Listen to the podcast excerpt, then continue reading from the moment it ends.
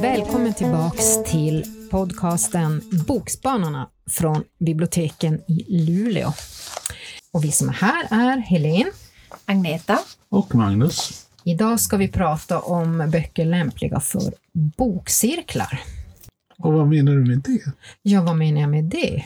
Det kan ju vara så att det är böcker som Alltså det finns mycket att diskutera om. Det kan också vara bokcirkelböcker. Det är ju bra om alla inte tycker lika. Det blir bättre Det är väldigt diskussion. intressant om alla inte tycker lika. Men hur får man tag på åtta böcker av en bok då, om man är så många i en bokcirkel? Ja, men då tycker jag att man kan vända sig till sitt bibliotek och fråga. Många bibliotek har redan bokcirkelkassar. På biblioteken i Luleå har vi ju det till exempel. Mhm. Och en bokcirkelkasse innehåller då oftast åtta böcker, ibland en talbok, Mm. som är en sån där specialinspelad bok för de som har tillgång till Legimus. Eh, De innehåller också ett sånt där litet faktablad där författaren presenteras och det finns diskussionsmaterial också. Mm. Ibland. Mm. Och är det så att man vill ha en speciell bok till sin bokcirkel så kan man ge ett inköpsförslag och då kan det hända att den köps in i 7 till 8 exemplar. Mm. Har ni någonting bra då som man kan ha till sin bokcirkel? Ja, jag har en helt fantastiskt bra bok som redan finns som bokcirkelbok faktiskt, som heter De osynliga, är skriven av Roy Jacobsen. Och det finns två böcker till i samma serie, så att man kan med fördel lå- låna den första och ha i sin bokcirkel och sen kan man på egen hand läsa de två övriga. Och huvudpersonen i de här böckerna, det är en, en familj som heter Barröj som har en egen ö som heter Barröja utanför Norges kust. Och den här, på Barröj så är klimatet både hårt och kargt och det är svårt att odla där för att det är kraftiga vindar som, och stormar som avlöser varandra så att jorden blåser ofta, alltså om man, om man har ett, ett land, ett, ett trädgårdsland som ligger fel så kan jorden helt plötsligt blåsa bort. Eller ja, ni vet, så att det är potatis och det är lite annat som man kan, som man kan sätta. Och deras första främsta livsuppehälle det är ju då fisket. Och huvudpersonen, Ingrid, hon är huvudperson i alla, alla böckerna och hon är dotter till Hans och Maria. Och från och med att hon är tre år, ungefär tills dess att hon är vuxen, får vi följa henne. Och hon går i skolan på fastlandet och när hon är i skolan så längtar hon ut till ön. Och när hon är på ön så kan hon längta till skolan för där finns det ju kamrater och det finns lite annat. För hon är en ganska vetgirig eh, flicka och blir en vetgirig och klok ung kvinna. Så att det handlar egentligen om, om hennes liv på den här ön och livet, ett hårt liv, men ett kärleksfullt liv. På ön finns också eh, en kvinna som är lätt förståndshandikappad eh, och som utför det här hårdaste arbetet utan att det är ingen som tvingar henne, utan hon gör det mer än gärna och hon gör det helt och hållet utan att klaga och hon har ett hjärta av guld. Så att jag kan verkligen varmt rekommendera. Det finns mycket att diskutera också i de här böckerna och sen är det en väldigt fin översättning och ett väldigt vackert språk. Roy Jacobsen, De osynliga.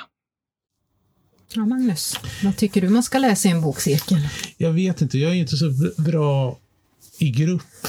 Så jag har tagit med mig den mest otroliga bok som jag har stött på och som jag tror att bara jag tycker om.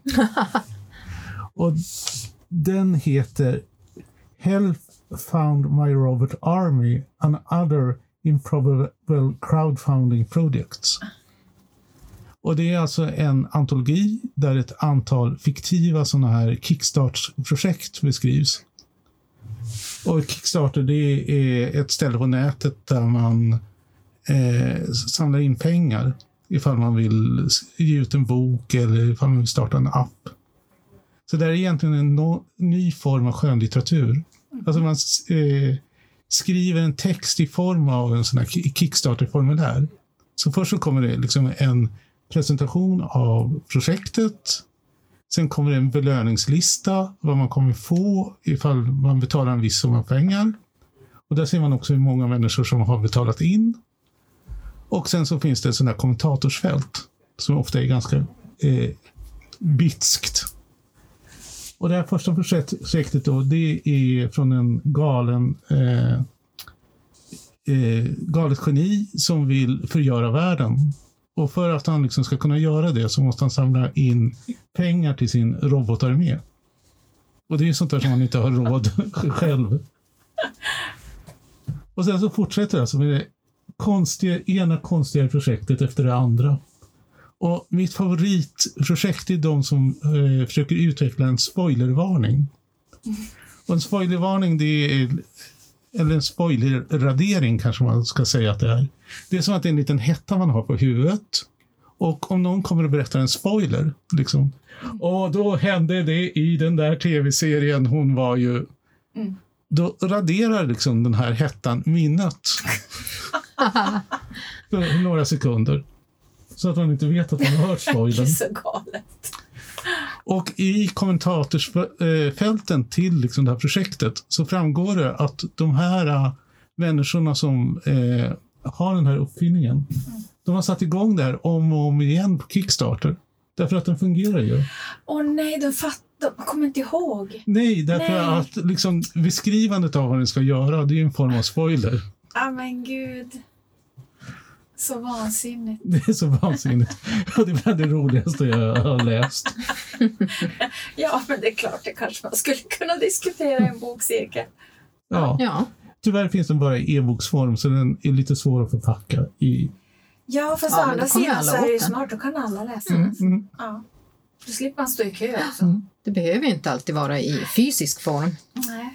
Det är nästan bra om den finns som Ja. e-bok också. Det ska bli spännande nu för nästa i bokcirkeln som Helena och jag är med i så har vi läst eh, några böcker av han Jonasson Mm. från Island om Hulda Mm. Hermansdottir. Mm.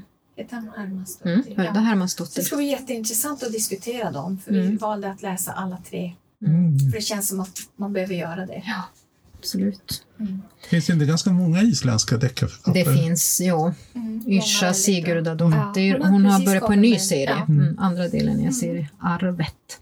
Men åter till bokcirkel så en bok som vi har som bokcirkelkasse är en bok som heter Livbåten av Charlotte Rogan. Och här finns det verkligen mycket att läsa. Eh, eller, ursäkta, läsa, jo det finns det också, men mycket att diskutera. Eh, den här boken utspelar sig 1914. Eh, det är en oceanångare, Empress Alexandra, och den har sjunkit. Och med på den båten finns Grace. Och hon räddar sig upp på en livbåt där 39 personer tar sig upp, men den är byggd för betydligt färre. Och på den livbåten så får hon sitta, jag tror det var till och med ett par veckor. Och då är ju frågan, vilka ska hoppa i? För alla kan inte vara med. Folk dör, folk motas bort. Vad gör man när någon klänger sig fast på relingen och vill komma upp när den redan är för full? Vad gör man med den personen? Hoppar någon annan i och man tar upp den personen? Eller hur gör man? När Grace äntligen stiger i land tillsammans med några andra så ställs hon inför rätta för mord. Oh. Och då kan man ju fråga, är allt svart och vitt eller finns det gråzoner? Och kan man döma någon för mord som bara försökt klara livhanken under fruktansvärda omständigheter? Och hur skulle du själv göra om du sitter i en livbåt som är för full, när det ändå är ännu fler som vill komma in Mm. eller komma upp i livbåten och en del av dem är barn? Mm. Det finns mycket att diskutera där i Livbåten av Charlotte Rogan. Hitchcock har faktiskt gjort en film som heter Livbåten. Som har exakt samma problematik. Har hon snott? Nej, jag tror inte hon har snott, utan det är väl snarare en sån där evig fråga. Mm. Alltså när du pratar om den här boken så tänker jag på såna här eh, eh, filosofiska, etiska dilemman. Mm. Men var det Den- inte lite så också i Titanic? Att alla inte... Mm. Eller de, de första livbåtarna var långt ifrån fulla. Som de hissade Mm. ner och sen... Mm. Ja. Men alltså just det där man måste välja. Mm. Är det bättre att döda två elaka människor än fem snälla? Ja. Det är Jätteirriterande. Ja. Men det är väl ett tecken att det är en bra och intressant innehåll när det är liksom sådana här tema som håller sig över tid. Mm. Det slog mig plötsligt att det finns ju den här boken också, mm, Huset, nej, fyren, Hus, fyren mellan haven. fyren mellan Ja, av haven av, Stedman. av Stedman. Det är också lite Mm. sånt där som man skulle kunna diskutera om fyrvaktarparet som eh, där hon har, frun har haft missfall flera gånger. Mm. De är ute på den här karga ön helt ensamma och senaste missfallet tar hårt på henne och så helt plötsligt så glider det i land en båt där det är en död man och en levande nyfödd bebis. Och fyrvakten ska ju skriva upp allt som händer men han lämnar ut det där och frun får ta hand om barnet och vill sen inte lämna det ifrån sig. Mm. Och vad är rätt och fel där? Ja. Naturligtvis är det inte rätt att ta barnet, men hur gör man sen Mm. när barnet har växt upp Mm. med de här personerna Mm. och då kanske man eventuellt hittar de riktiga föräldrarna eller i alla fall mamman. Ja, vad är rätt och fel där? Mm. Det är också en bok som man skulle kunna diskutera. Absolut. En annan bok som man skulle kunna diskutera det är en bok som heter Pakten som är skriven av Michelle Richmond och det är en psykologisk thriller.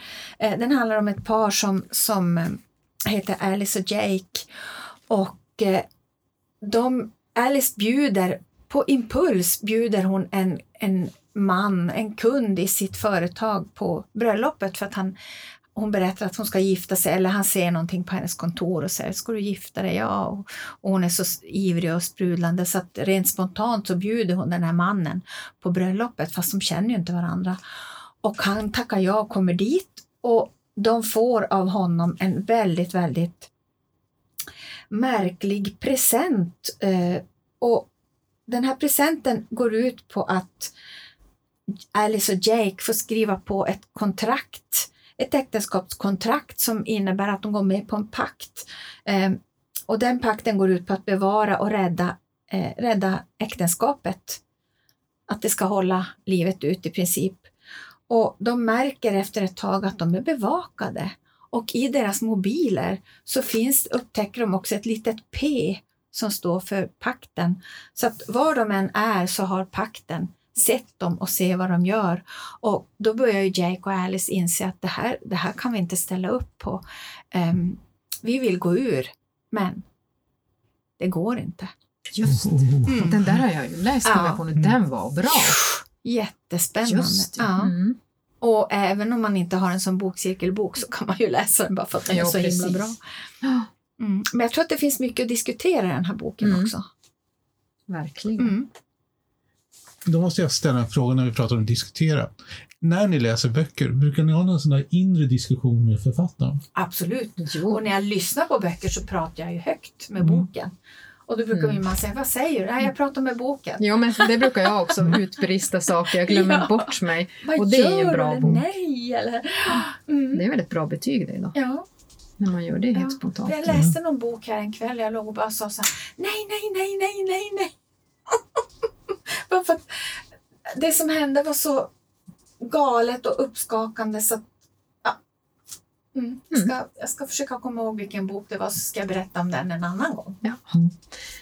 Men den här gången ska vi berätta om vad det är för böcker vi tycker kan vara bra bokcirkelböcker. Och det var Livbåten av Charlotte Rogan och Fyren mellan haven av Stedman.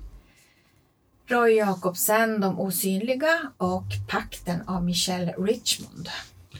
Och sen en varning för Help Found My Robot Army and other improper crowdfunding projects.